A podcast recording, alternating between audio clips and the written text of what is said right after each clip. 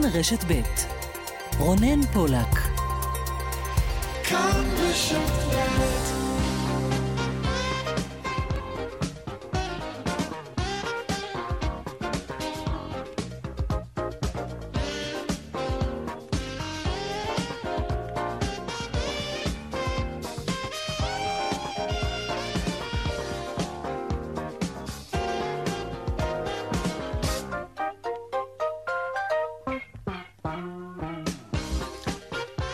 עכשיו ארבע ועוד חמש דקות וחצי, צבע הכסף, התוכנית הכלכלית כאן ברשת ב', שלום לכם ותודה שאתם איתנו, גם היום, יום רביעי. אורנה ברוכמן מפיקה היום את התוכנית, גלית אמירה על הביצוע הטכני, אני רונן פולק, והמייל שלנו, כסף, כרוכית כאן.org.il. אנחנו מיד מתחילים.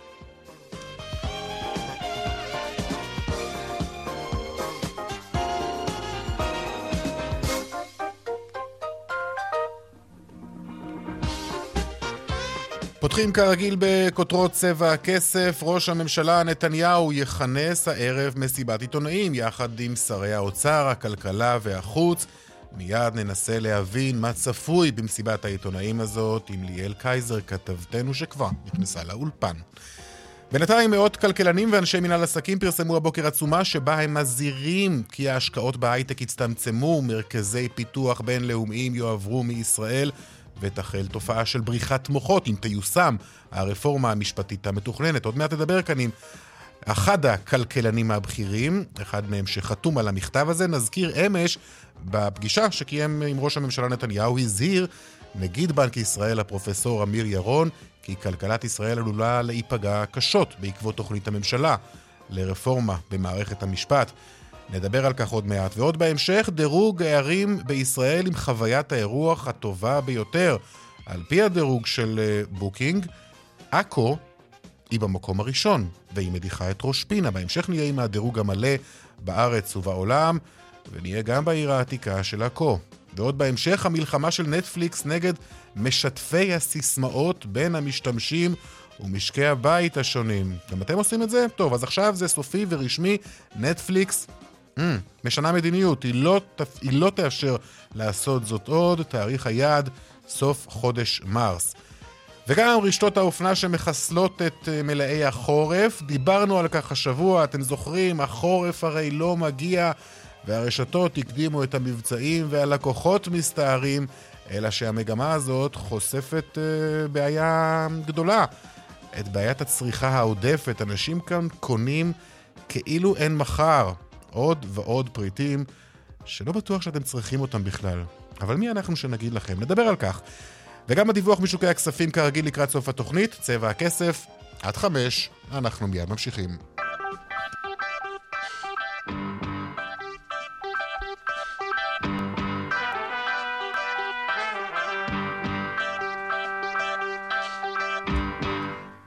פותחים איתך ליאל קייזר, כתבתנו לענייני כלכלה, שלום ליאל. שלום רונן. טוב, מסיבת עיתונאים הערב של ראש הממשלה, יחד עם שרי האוצר, הכלכלה והחוץ. על מה מדובר?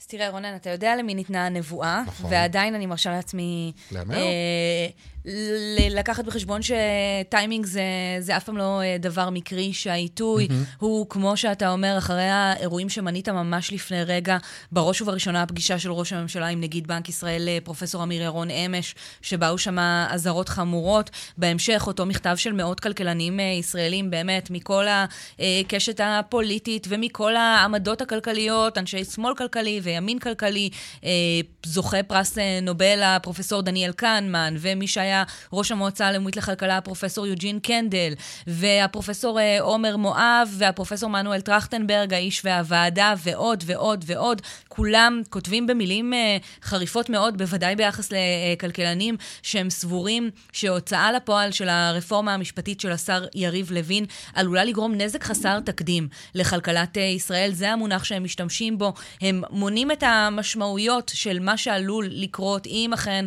חברות דירוג האשראי שכבר יביעו אה, דאגה ביחס למה שמתרחש כאן, יורידו את הדירוג של ישראל. אם ישראל תאבד את האמון של הכלכלות הגדולות בעולם, הם אומרים, יהיה קשה להביא לכאן כסף, יהיה קשה להביא השקעות לחברות זרות, יהיה קשה למדינת ישראל, שמגייסת אה, חוב בעולם באופן שוטף, יהיה לה קשה לגייס אה, כסף, ואם וכאשר היא תצליח לגייס כסף, זה יהיה בריביות אה, גבוהות שמשקפות את חוסר האמון של אה, אומות העולם במה שמתרחש כאן.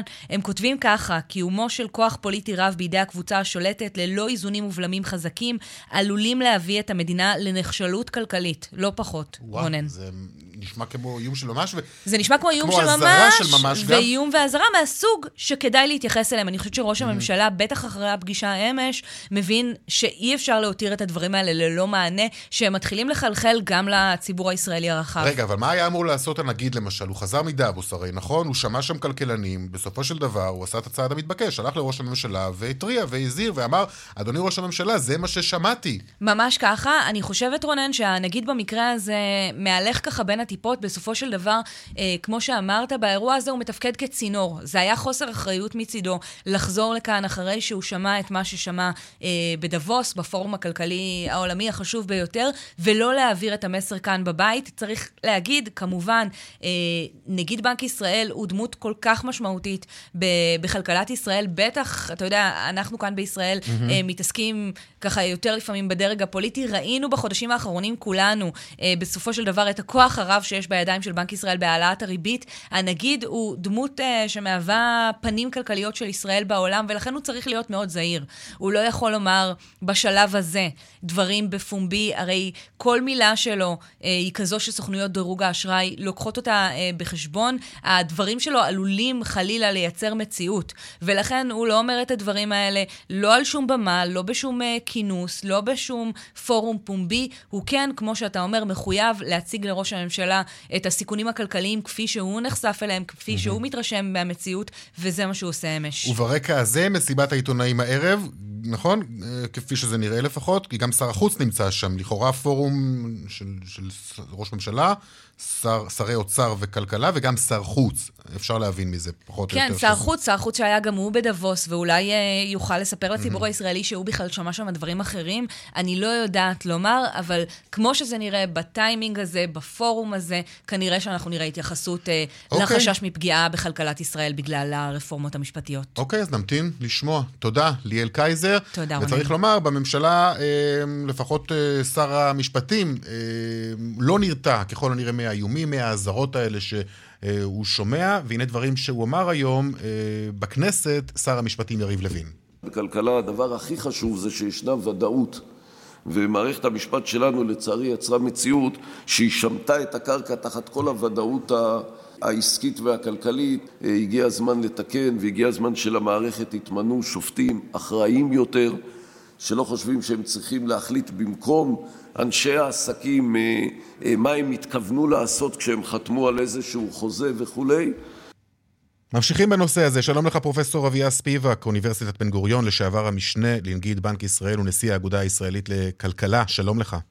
שלום רב. ממה עולה החשש שביטאתם במכתב שפרסמתם היום? תראה, באמת זה מעניין שההסכמה המקצועית היא ממש מקיר לקיר, וזה לא, לא עניין של מה בכך. בדרך כלל זה ידוע שכלכלנים לא מסכימים על שום דבר. אה, אז אה, אה, תראה, ה- החשש הוא מה... אה, בעצם הדבר שהספרות המקצועית אה, מדברת עליו הרבה, וזה שמשטר נכון עם זכויות קניין ברורות ועם מערכת אה, חוקית טובה, זה המפתח להצלחה כלכלית. וזה מה שהיה המפתח להצלחה כלכלית בישראל בשנים האחרונות. האמון הזה שהמשקיעים הזרים האמינו בישראל ובמוסדות שלה, אפשרו להם להשקיע פה בלי חשש. ברגע שהם אה, יחשבו שיש אולי פגיעה בזכות הקניין, כמו שמתכננים אולי בהמשך, ופגיעה באפשרות שבית המשפט העליון באמת אה, יגן על הזכויות שלהם במקרה שצריך, אז אה, אה, אמנם אנחנו לא, אמנם אנחנו לא עובדים בשבילם, זה נכון, אנחנו אנשים עצמאים, אבל הם עצמאים גם כן, הם יכולים לקחת את הכסף שלהם ולהשקיע אותו במקום אחר. זאת אומרת, אם חברת מייקרוסופט למשל שוקלת להרחיב בו את המרכז המפואר שלה של מחקר, אם היא תחשוב שיש חשש שהיא לא תראה את הכסף שלה בחזרה, או שיהיו קשיים ביורוקרטיים מכל מיני סוגים, אז uh, היא תחשוב פעמיים. Mm-hmm. Uh, וגם, צריך, צריך להבין גם שזה יכול, ההתקפה על היועצים המשפטיים יכולה לחלחל גם על כל הרגולטורים. זאת אומרת, למשל, יש את הרגולטור של אה, רשות שוק ההון, והרגולטור הזה דואג שישקיעו כמו שצריך. הוא דואג שאם יש איזו חברה מחוץ לארץ שרוצה לקנות חברת ביטוח ישראלית והיא לא נראית לו, אז הוא לא מרשה. זאת אומרת, אה, החשש הוא שאם ההחלשה של הביורוקרטיה המשפטית תהיה החלשה של כל הביורוקרטיה. וה, והביורוקרטיה הזאת זה מה שנותן לנו את כל היציבות. אוקיי, okay, לגבי השקעות זה ברור. בוא תסביר לנו גם איך נקבע דירוג האשראי של ישראל. דירוג האשראי של ישראל נקבע בצורה, אה, הייתי אומר בצורה השוואתית. מסתכלים על המוסדות של ישראל, מסתכלים על המדיניות שלה, מסתכלים על הגירעונות שלה, מסתכלים על כל הדברים האלה ואומרים, המדינה הזאת דומה למדינות אחרות ככה וככה וככה. אה, אנחנו לא ניתן לכם דירוג מקסימלי, כי כידוע. יש אה, סיכונים אה, ביטחוניים ופוליטיים, אבל אנחנו נשתדל לתת לכם את הזהו. עכשיו, בהודעה, בהודעה, במסיבת עיתונאים של S&P, שזה סטנדרט אנד פור, חברת הדירוג הכי חשובה מכל השלוש, הם דיברו בפירוש על זה שהם מסתכלים בצורה קרובה על מה קורה לסמכויות של בית המשפט העליון, והם מפחדים מזה שהמערכת לא תהיה טובה כמו שהייתה עד עכשיו. כלומר, זו אזהרה של ממש אה, שאנחנו שומעים מהם, והם מתריעים, אנחנו לא, לא, כרגע לא פוגעים בדירוג האשראי שהוא גבוה, הדירוג האשראי של כן. ישראל בעצם כן. הוא גבוה, וישראל זוכה לאמון רב מצד כלכלות אה, רבות בעולם ומצד חברות הדירוג בעולם, אבל כאן הם נותנים איזושהי, איזשהו... אה, כן, נורת, ממש... מדליקים איזושהי נורת אזהרה. ממש פוקוס על... מערכת, על המערכת המשפטית שלנו, mm-hmm. שהיא, שהיא הבסיס ל... הבסיס ליציבות הכלכלית. אוקיי, עכשיו... זה, שזה מה שקורה בישראל. ומה כן. המשמעות של הורדת דירוג האשראי של ישראל?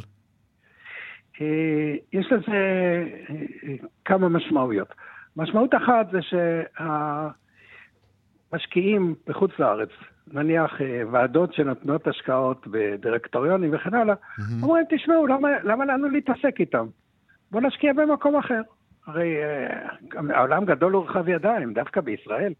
אמנם היא מתפתחת טכנולוגית, מפותחת טכנולוגית, אבל עושה רושם שזה מקום מסוכן. בדרך כלל ועדות השקעה ודירקטוריונים לא מחפשות סיכונים.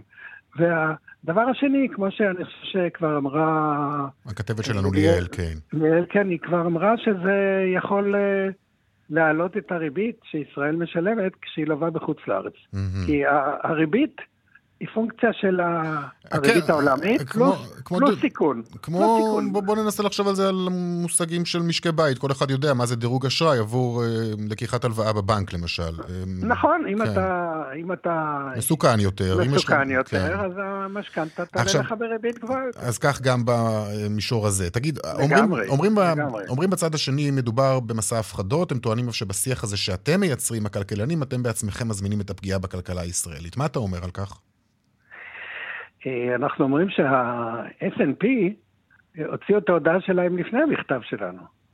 אה, הם, הם אמרו שהם מסתכלים מקרוב על מה שקורה לבית המשפט העליון ומה שקורה לכלכלה הישראלית mm-hmm. וכן הלאה, לפני שאנחנו פתחנו את הפה ולפני שדיברנו. זאת אומרת, זה לא, זה לא שאנחנו יוזמים משהו. כן. זה נכון, זה נכון שאם מדברים איתנו חברים שלנו מחוץ לארץ ושואלים אותנו, תגידו, מה קורה אצלכם? אז אנחנו אומרים להם בגילוי לב, תשמעו, זה באמת אה, דבר שהוא, שהוא מפחיד מבחינת הניהול התקין של הכלכלה. זה לא, זה לא כל כך פשוט. עכשיו... בעצם, בעצם לקעקע את היסודות mm-hmm. שהמשק הישראלי נמצא עליו. עכשיו, בוא ננסה להבין מה נגיד בנק ישראל, הפרופסור אמיר ירון, אולי אמור היה לעשות אחרת, אני טועה אם הוא היה אמור לעשות אחרת, כי אנחנו מבינים שהוא חזר מהכנס הכלכלי החשוב בדאבוס. הוא שמע שם מה ששמע מהכלכלנים הבכירים בעולם, ואז כשהוא חזר ארצה, הוא מיהר כמובן לספר לנתניהו, הוא לא עשה מסיבת עיתונאים, הוא מיהר לספר לנתניהו את מה שהוא שמע. אתה מוצא משהו לא נכון בדרך שבה הוא פעל, בהתנהלות שלו, שמעורר עליו כל כך הרבה כעס מצד חברי הקואליציה? תראה, הוא, אה, הנגיד, אה, הוא יש לו אחריות לכל כלכלת ישראל. בחוק של בנק ישראל כתוב שהנגיד הוא יועץ לכלכל, הוא, הוא יועץ לממשלה, mm-hmm. זאת אומרת, הוא ממלא את חובתו לתת עצה לממשלה. כמובן, העצה, אה, מטבעה זה שלא לא חייבים להקשיב, אבל הוא חייב לתת את הייעוץ. ובאופן מסורתי, הנגידים של הבנק המרכזי אה, לא יוצאים בהצהרות, בהצהרות פומביות. אם הם כבר יוצאים בהצהרה פומבית, המצב הוא הרבה יותר גרוע. הם בדרך כלל משתדלים להעביר את המסר שלהם בדרכים שקטות, כמו, ש, כמו שהוא עשה.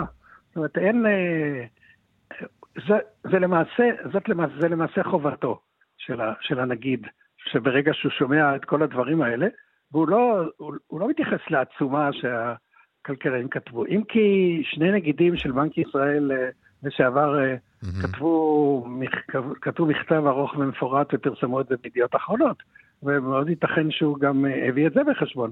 אבל הוא בא ואומר, תש, תשמע, אני שמעתי את הדברים האלה בזירה הבינלאומית.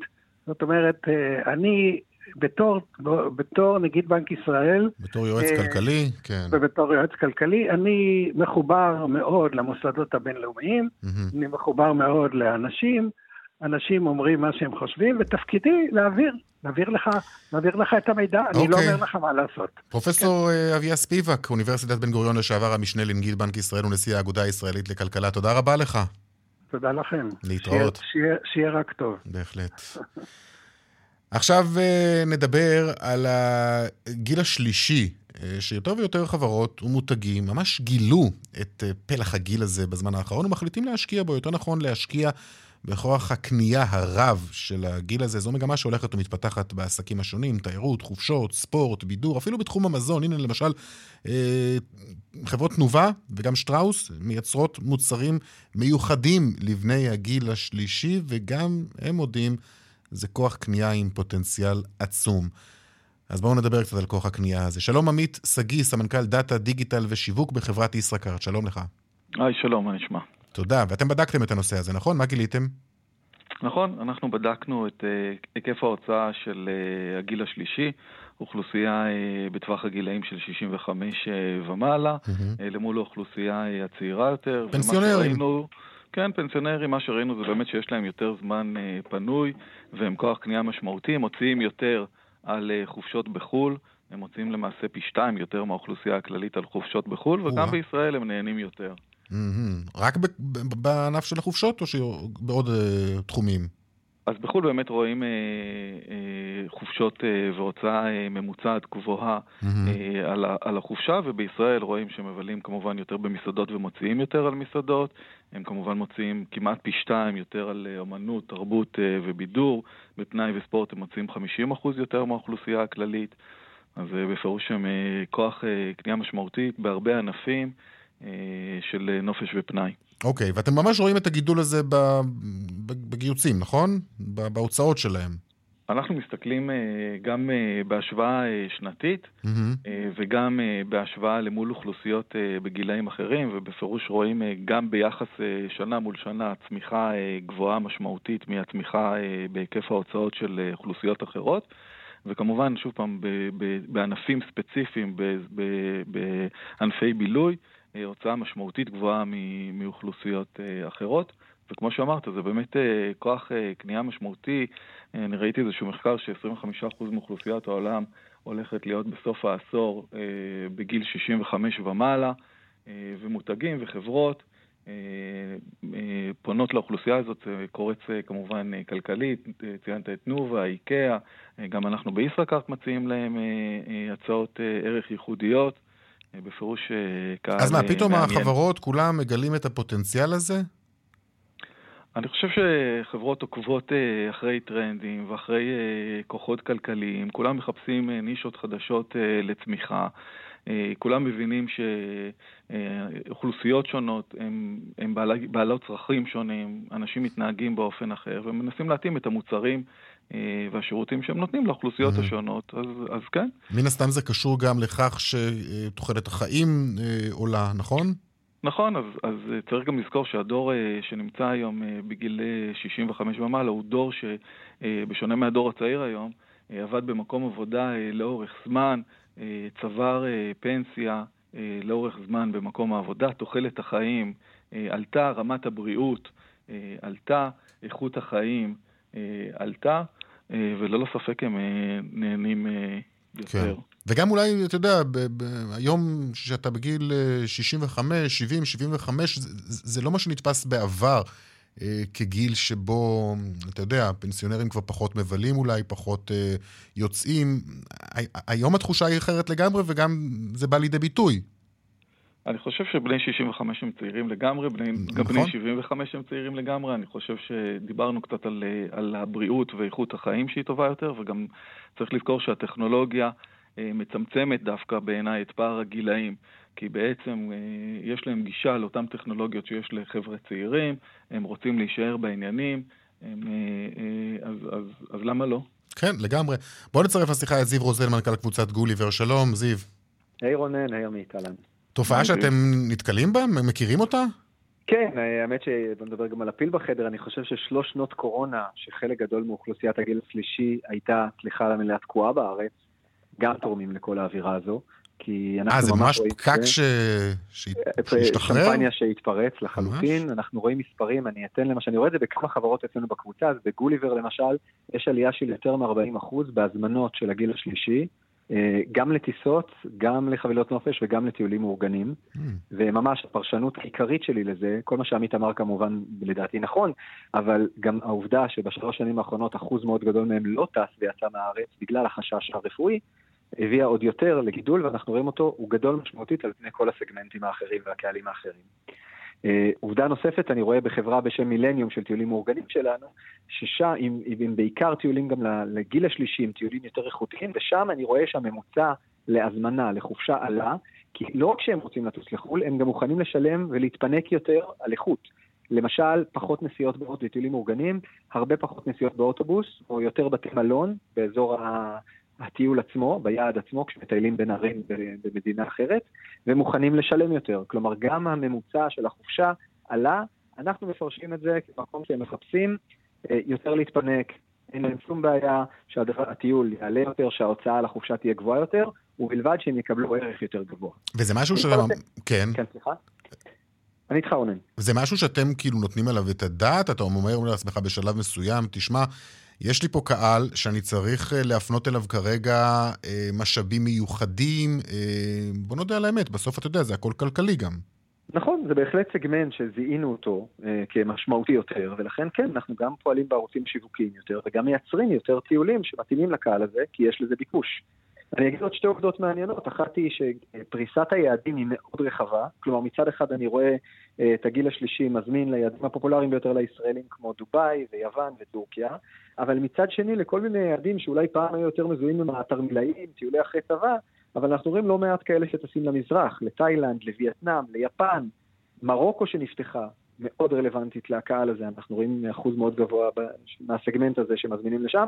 כלומר, הנתון המעניין הוא שזה ממש לא הטיולים הסטנדרטיים. כלומר, גם מוכנים להוציא על חופשה, גם מוכנים להוציא יותר על חופשה, וגם ליעדים שהם לאו דווקא הסטנדרטיים, mm-hmm. כלומר, באמת, מה שנקרא לראות עולם. ועוד נתון אחד אני יכול לתת, למעניין, בחברה אחרת שלנו בשם חוליו, שזה יותר מהרגע להרגע, זה למי שספונטני, שזה לא משהו שהיינו מאוד מזהים אצל הסגמנט השלישי. אה, אם כי זה סגמנט, זה, הגיל השלישי זה אנשים שהם יותר אולי פתוחים לספונטניות, כן, הם ילדים קטנים שהם צריכים אה, לדאוג להם, הם יכולים לטוס מהיום למחרתיים, אבל גם שם אנחנו רואים בחודש ינואר, כבר החודש, גידול מאוד משמעותי בסגמנט הזה, ושוב זה נובע מאותה פרשנות לדעתי. כן. כלומר, אני חושב אה, שדי אפשר להתייחס לזה כעובדה, או מגמה שהיא מאוד מאוד אה, אה, ברורה. עמית, הם מוציאים גם יותר בכל אה, נסיעה כזאת? אז אנחנו רואים שבעסקאות אה, בחו"ל אה, מוצאים פי שתיים יותר מאוכלוסייה ש... שהיא לא אוכלוסיית הגיל השלישי, אה, על הנסיעה עצמה, על הקניות עצמן בחו"ל הם מוצאים בערך 25%-30% יותר, בדומה למה שזיו אמר. אז אני, אז בפירוש הם מוציאים שם סכומים יותר גבוהים, mm-hmm. מתפנקים במלונות מפוארים יותר, מרשים לעצמם לאכול במסעדות טובות יותר, בהחלט. כן. וגם אני אוסיף שמה שאני מכיר, אנחנו לא שונים. כלומר, ישראל לא שונה בהתנהגות שלה משאר העולם. ממה שאני מכיר מהעבודה מול בתי מלון בחו"ל, גם הם מזהים את הסגמנט הזה כיותר גדול משנים קודמות, ונערכים בהתאם. כלומר, אגב, זיו, חוק, חוקי הגנת הצרכן מגנים עליהם אה, בצורה הרבה יותר אה, רחבה, נכון? אתה צודק, יש להם זכות לבטל במשך הרמה של הצרכן רגיל יש שבועיים, לאוכלוסיית הגיל השלישי, במשך ארבעה חודשים. תמורת סכום מאוד קטן של 100 שקלים או 5% מערך העסקה, נמוך מביניהם. אוקיי. זה בהחלט עוד פרמטר שיכול לעודד. Uh, טוב, אני מעריך שמדובר בהחלט ב... זה דבר שאנחנו נלך ונראה עוד ועוד חברות ועוד ועוד מותגים הולכים ומנסים אה, לקרוץ לקהלים האלו. כן, יש הלימה בין שני הצדדים, אז אין סיבה שזה לא יקרה. לגמרי. נכון. אוקיי. עמית שגיא, סמנכ"ל דאטה דיגיטל ושיווק בישראכר, תודה רבה לך, ותודה גם לך. תודה רבה, שיהיו בריאים. זיו רוזן, מנכ"ל קבוצת גוליבר, תודה לשניכם. להתראות. דיווחי תנועה.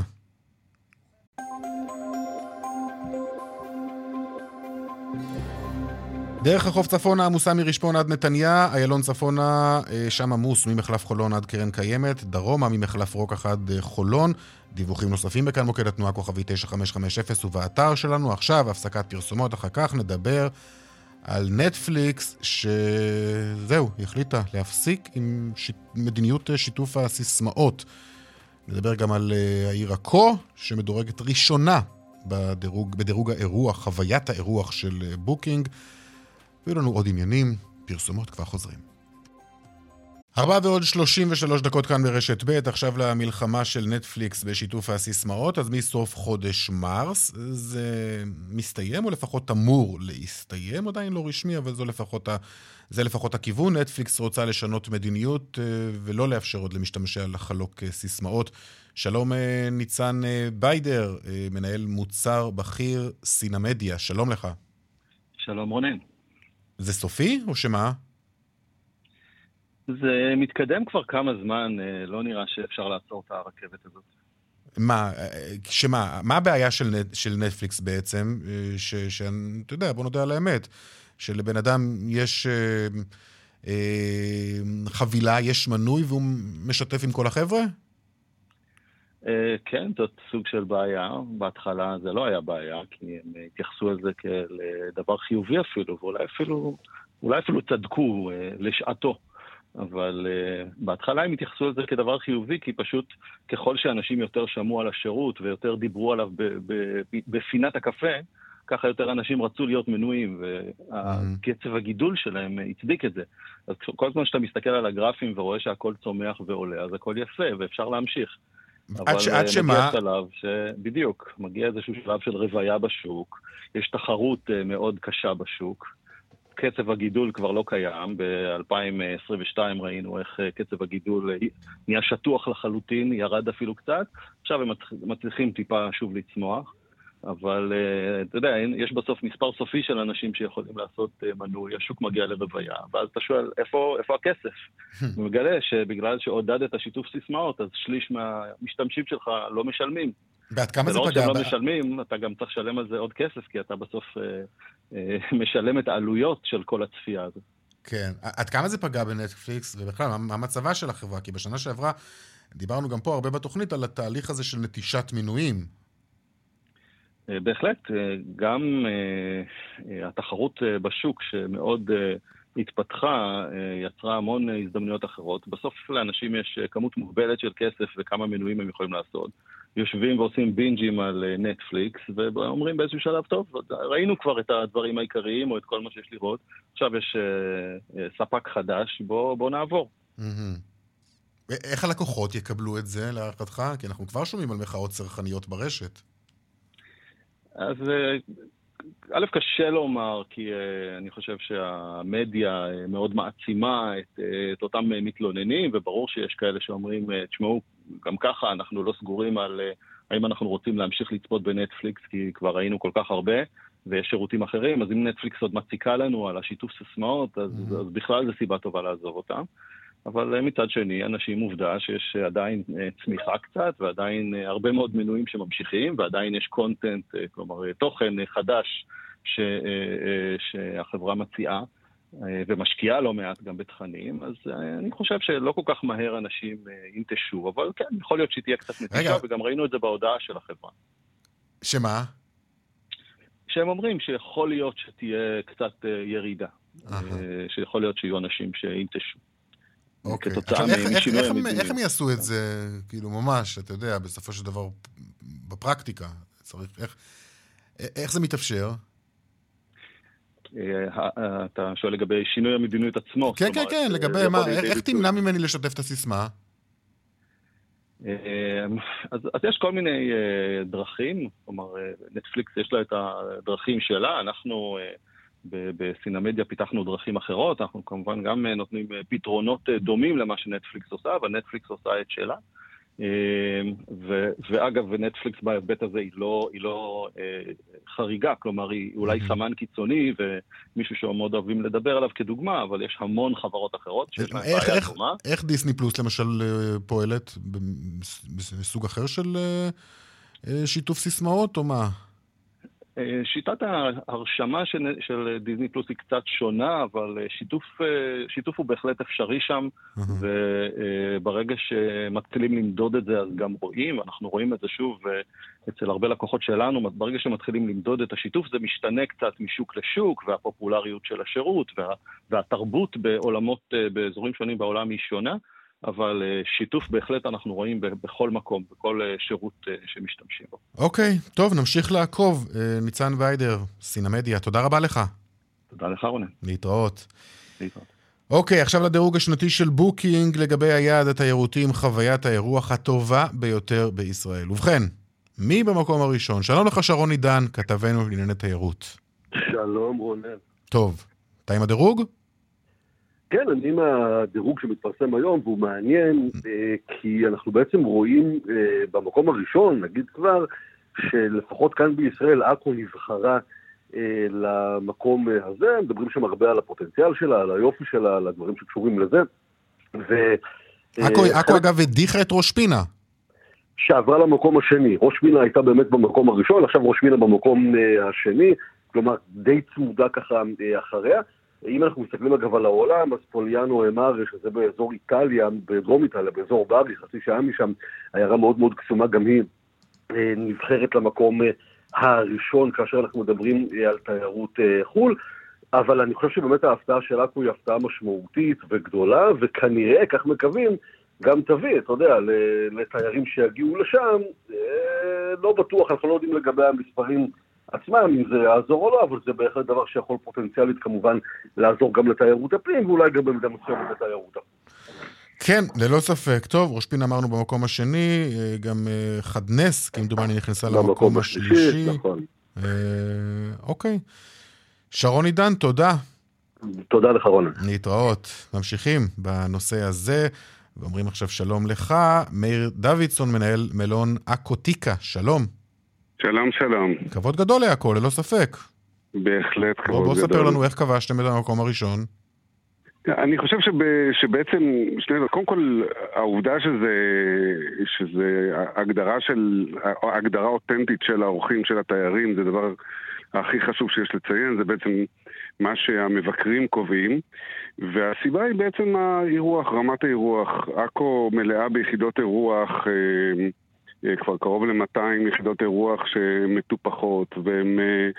אה, אנחנו פשוט אוהבים באמת לארח. Mm-hmm. זה חלק מהאופי של, של העיר, זה חלק מהאופי של המקום, אנשים מרגישים את זה. תגיד, עד כמה אתה באמת, ככה, אתה יודע, זה כמו הרייטינג לפעמים, עד כמה אתה נכנס לראות כמה, מה, מה הדירוג שלך? מה הדירוג שלך באמת ב, ב, בבוקינג? הדירוג שלי בבוקינג 9, למעלה מ-600 600... אה, עד כמה זה מטריד אותך הדירוג? זה מאוד חשוב, הדירוג הוא מאוד מאוד חשוב, כי באמת זה בעצם הביקורת הכי אותנטית. אני תמיד אומר שאנחנו עסק שכל יום עומד למשפט, כל יום נידון וכל יום יש עליו גזר דין, והאורח וה... הוא גם השופט, גם גוזר את הדין, והאמת שזה בהחלט משהו שאנחנו מאוד מאוד מסתכלים עליו. Mm-hmm. יש לזה השפעה גדולה בבחירה של, ה... של התיירים לאן לבוא. ובאמת עכו מלאה, אני, אני בדיוק עכשיו בדרך לבדוק אה, אה, מקום שאני רוצה אישית אה, לבקר במקום סופר אקזוטי ב, ב, בתאילנד, ואני רואה שקשה למצוא מקומות מעל אה, שמונה, שמונה וחצי, mm, שמונה... אז אתה אומר לעצמך, אם לי יש תשע, מה... זה... לא, זה משהו אחר, אבל אני מבין, ש... אני מבין שזה לא סתם, אני מבין שבסופו של דבר הציבור מצביע. כן. תגיד, מי בעיקר מגיע לעכו? זה תיירות פנים או תיירות חוץ? אה, כרגע עדיין תיירות החוץ אה, מגיעה, אבל ככה בסביב ה-30 אחוז, 35 אחוז, לרוב הגדול Mm. זה עדיין תיירות פנים. כי נזכיר, נזכיר בעצם, עד לפני שנה, אה, עכו הייתה בתקופה תיירותית קשה מאוד, לפחות למשך איזה שנתיים-שלוש, בשל מגבלות הקורונה, וגם סגירת השמיים מפני תיירים, ו- ו- וזה פגע כן. מאוד בעיר. כן, שרדנו, שרדנו תקופה מאוד מאוד קשה. אמ, גם היום אני חייב להגיד שלא קל, אנחנו הרי מתחרים מול, אה, מול אופציות אה, אחרות אה, שמתיימרות להיות זולות בעולם. מה זה מתיימרות? זה אופציות הרבה יותר זולות, בוא נודה על האמת. כן, ישראל היא מדינה. יקרה לת- לתייר. קודם כל עובדה, עובדה, נכון. מדינת ישראל היא יקרה לתייר והיא יקרה גם לנו, והלוואי שהיינו יכולים לעשות את זה יותר זול, באמת מדינת ישראל יקרה. אני אומר שכאשר תייר ישראלי אה, אה, מתכנן את החופשה שלו, אז אה, אה, אספקט אחד זה באמת עניין המחיר, מחיר הטיסה, מחיר השירות, האוכל וכולי, אבל אם מישהו יש לו ארבעה ימים, ומתוכם הוא צריך לקום מוקדם בבוקר לטיסה זולה, והוא, והיום הראשון שלו די הולך על נסיעות, והיום האחרון די הולך על נסיעות, אה, ואז באמצע יש לו אמנם חופשה שהיא זולה, אבל אם הוא צריך גם רכב, ואם הוא יוצא למסעדות, זה כבר לא כל כך זול, ועוד אה, בעוד בישראל, בנסיעה של שעה וחצי מ- מה- מהמרכז ברכבת, שאני דרך אגב מאוד ממליץ, או באוטו, מגיעים, אה, מגיעים אלינו לעכו, ובאמת זה חוץ לארץ, האווירה כן. שם, הקצב, קצב החיים, ודי מהר נמצאים שם, ואם גם באתם ל-24 שעות או 48 שעות, התחושה היא באמת של... אה, של, של, של השקט שאותו, שאותו בעצם מחפשים. כן, עכשיו לא רק הקורונה פגעה, אנחנו זוכרים גם כמובן את מבצע שומר החומות בזמנו, שמאוד הרחיק את התיירים. תיירים נכון. זרים לא היו אז גם ככה, אבל גם היהודים הישראלים לא באו. נכון, נכון, נכון. העובדה היא אבל שאנחנו בסך הכל... אה, אה, התאוששתם מאז? א', התאוששנו, התיירנים הוכיחו אה, יכולת התמודדות עם האתגר אה, בצורה באמת אה, מדהימה. אה, לא רק שהתאוששנו, אלא כל מי שנפגע אה, שיטט ובנה מחדש. אה, כן, אנחנו זוכרים שם אה, עסקים שנשרפו. אנחנו זוכרים שם עימותים נכון. של ממש. אה, נכון, נכון, נכון. היו ימים קשים, אבל אני חייב לציין שחלק מהעובדה שה, שה, שהציונים כאלה טובים הם בגלל שבאמת ה, ה, המשטרה והעירייה בכוחות משותפים אה, אחרי תקופה של שנים רבות מאוד שבעצם, של בעצם חוסר משילות אה, תפסו את העניינים בידיים, יש היום אה, ביטחון, יש תחושת ביטחון, יש ביטחון ברחובות בטוח להסתובב, ללכת כן. בכל שעות היום והלילה, ו- וה- ו- ובאמת כולם, כולם דרך אגב, ערבים, יהודים, אה, אה, אה, כולם בעניין של לחזור לעבוד, להתפרנס, אה, לשפר אה, את רמת החיים, זה בסופו של דבר כן. מה שכולנו רוצים. טוב, לא, לא תתחמק מזה, כמה עולה חדר אה, אצלך? אה, בממוצע זה סדר גודל של אה, 950 שקל בממוצע, בחורף המחירים הם נמוכים יותר מאשר בקיץ. אה, אמצע שבוע מן המחירים- הסתם, נכון? אמצע, אמצע, אמצע שבוע זה זוג אפילו יותר באמצע נמוך. שבוע? זוג באמצע שבוע אפילו יותר נמוך, 800, 850, סוף שבוע 1200, כולל ארוחת בוקר נהדרת. אה, חדרים כן, גדולים מאוד. חומות העיר. אה, תקן אותי אם אני טועה, מקומות כמו עכו, ירושלים, נצרת, אנשים באים פחות לבית המלון כדי לנפוש או לבטן גב, הם באים ישנים ובעיקר תיירים, ממשיכים הלאה. אז מדוע ההשקעה כל כך גדולה בלינה או, בש... בלינה או בשהייה?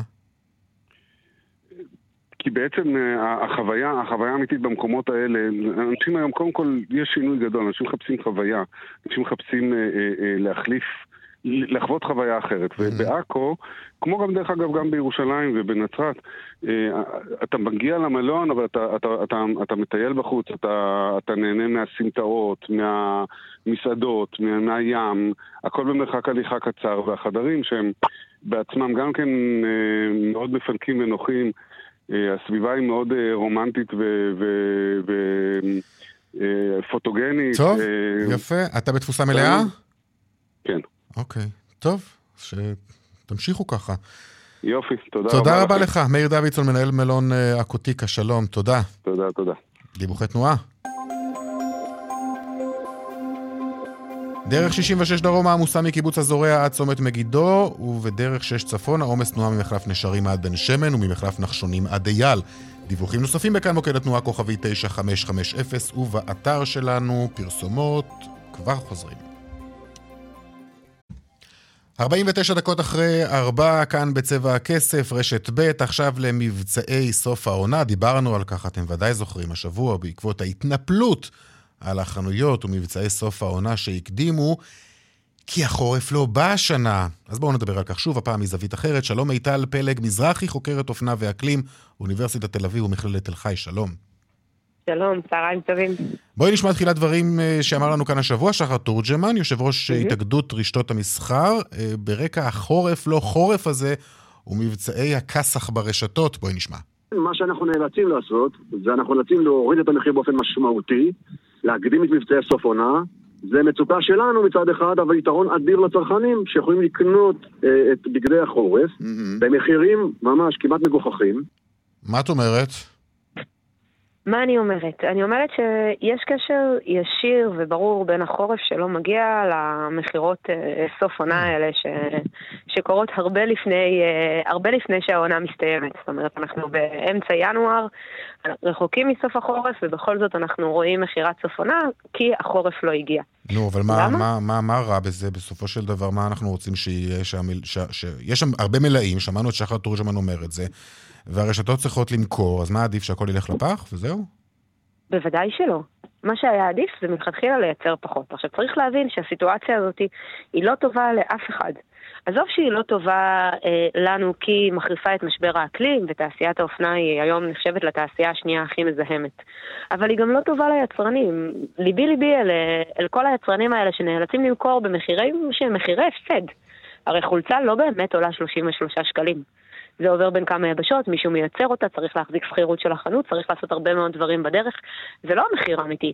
הם מפסידים כסף, אנחנו כצרכנים נהנים, נהנים במרכאות מאופנה זולה שהיא מאוד מאוד מזהמת, שוב, התעשייה השנייה הכי מזהמת על פני כדור הארץ, והתוצאה היא שאף אחד לא באמת מרוויח. אם במקום זה, מלכתחילה הם היו מייצרים פחות בגדים, היו מוציאים הרבה פחות קולקציות בשנה, והבגדים האלה היו בגדים איכותיים שנמכרים במחירים שמגלמים את הערך האמיתי שלהם, כולנו היינו מרוויחים. אני מנסה להיכנס לראשו של צרכן שאומר, תשמעי, קניתי פה חולצה ב-30 שקל במקום ב-100 שקל, הוא מרגיש שהוא דפק את המערכת. זאת אומרת, הוא, הוא יוצא, הוא יוצא, את אומרת הוא לא מרוויח, הוא יצא עם תחושה נהדרת. נכון, נכון. השאלה היא כמה זמן התחושה הזאת מחזיקה, וכמה זמן החולצה הזאת מחזיקה. אנחנו יודעים היום ש-85% מהבגדים שאנחנו קונים נזרקים תוך פחות משנה. קנינו אותם, ותוך פחות משנה אנחנו מעיפים אותם, כבר לא לובשים אותם, לא רוצים אותם, הרבה פעמים כי הם באיכות לא טובה, הרבה, הרבה פעמים פשוט כי נמאס לנו והם יצאו מהאופנה, והמעגל הזה הוא מעגל שהוא לא נגמר. אנחנו קונים בזול ומרגישים שניצחנו את המערכת, אבל זה לא באמת עובד ככה. סבתא שלי, זיכרונה לברכה, היה לה משפט יפה, אני לא מספיק עשירה בשביל לקנות בזול. עכשיו, היא ממש לא הייתה אישה עשירה, רחוק מזה, אבל הבגדים שלה היו בגדים יקרים, שהיא, שהיא תפרה לעצמה, שהיא ידעה בדיוק כמה זמן הושקע בלייצר כל אחד מהבגדים האלה. זה לא באמת משתלם, אנחנו רק מרגישים שניצחנו את המערכת. בפועל, אנחנו מפסידים, אנחנו מסיימים עם ארון מפוצץ בגדים שאנחנו לא לובשים באיכות ירודה. ואנחנו, כן, איכות ירודה, אגב, זה גם משהו שקורה, כי, כי אני לא יודע, אני עוד זוכר את התקופות שהיינו מעבירים בגדים הלאה. נכון. מעבירים נכון. לאח הקטן, ואחרי זה לכולם. נכון. נכון, אבל כשהאיכות כל כך נמוכה, ושוב, היא חייבת להיות איכות נמוכה, כי אי אפשר למכור בגדים כל כך זולים מבלי שנצטרך לקצץ בעלויות. אז מקצצים במחיר הסביבתי ומקצצים בתנאי, אה, בתנאי ההעסקה של העובדים, אותם אנשים שתופרים לנו את הבגדים, ומקצצים באיכות ומקצצים בחומרים, החומרים הופכים להיות פחות ופחות טובים, גם לבריאות שלנו אגב, מקצצים בכל מקום שאפשר, ובסוף אנחנו קונים הרבה מאוד בגדים שאנחנו לא לובשים. אנחנו קמים בבוקר, פותחים את הארון והוא מפוצץ בבגדים שאנחנו לא אוהבים. זה לא קורה סתם. זה קורה כי ההרגלי צריכה שלנו השתבשו. ומבצעים כאלה של, אה, של שלוש במאה או שלוש בשישים משבשים לנו את הרגלי צריכה. מרגילים אותנו כצרכנים לקנות הרבה מאוד בגדים שאנחנו לא צריכים. אז מה את אומרת בסופו של דבר? את אומרת, לא, בואו תמכרו לי במחיר מלא, זה מה שאת רוצה שיקרה? אני אומרת, בואו תמכרו לי מוצרים איכותיים וטובים במחיר מלא. במחיר מלא שמגלם את הערך של זה, ואני אומרת עוד יותר מזה, תייצרו פחות. אל תגיעו למצב שבו אתם צריכים לבחור בין אה, למכור במחירי הפסד ללהשמיד סחורה, שזה באמת שומו שמיים. או חס וחלילה להעביר לשנה הבאה, נכון? היום הם, בדיוק, הם לא בדיוק. מעבירים, לא, הם חייבים למכור הכל עכשיו, כי, כי שנה הבאה זה כבר יהיה משהו אחר לגמרי, הצבעים יהיו אחרים. עזוב שנה הבאה, חברות האופנה מוציאות יותר מ-50 קולקציות בשנה. לא במקרה הם הגיעו למצב ש... בדיוק. new collection, כן. נכון, נכון, ויש לנו 53 שבועות בשנה. לא במקרה הם הגיעו למצב שהם תקועים עם כל כך הרבה מלאים. אה, הם מגיעים לזה כי הם מייצרים יותר מדי. כן. נכון, נכון, אני אומרת שזה קורה בגלל השיטה המקולקלת. אוקיי. לנסות לייצר יותר מדי, למכור לנו במחיר זול מדי, ואף אחד לא באמת מרוויח. מיטל פלג מזרחי, אה, חוקרת אופנה ואקלים, אוניברסיטת תל אביב ומכללת תל חי, תודה רבה לך. תודה רבה. והנה, היא אומרת, תקנו פחות, זה מה שהיא אומרת לכם. תקשיבו, זה יצא חריגה ממה שבדרך כלל אתם מקבלים כאן.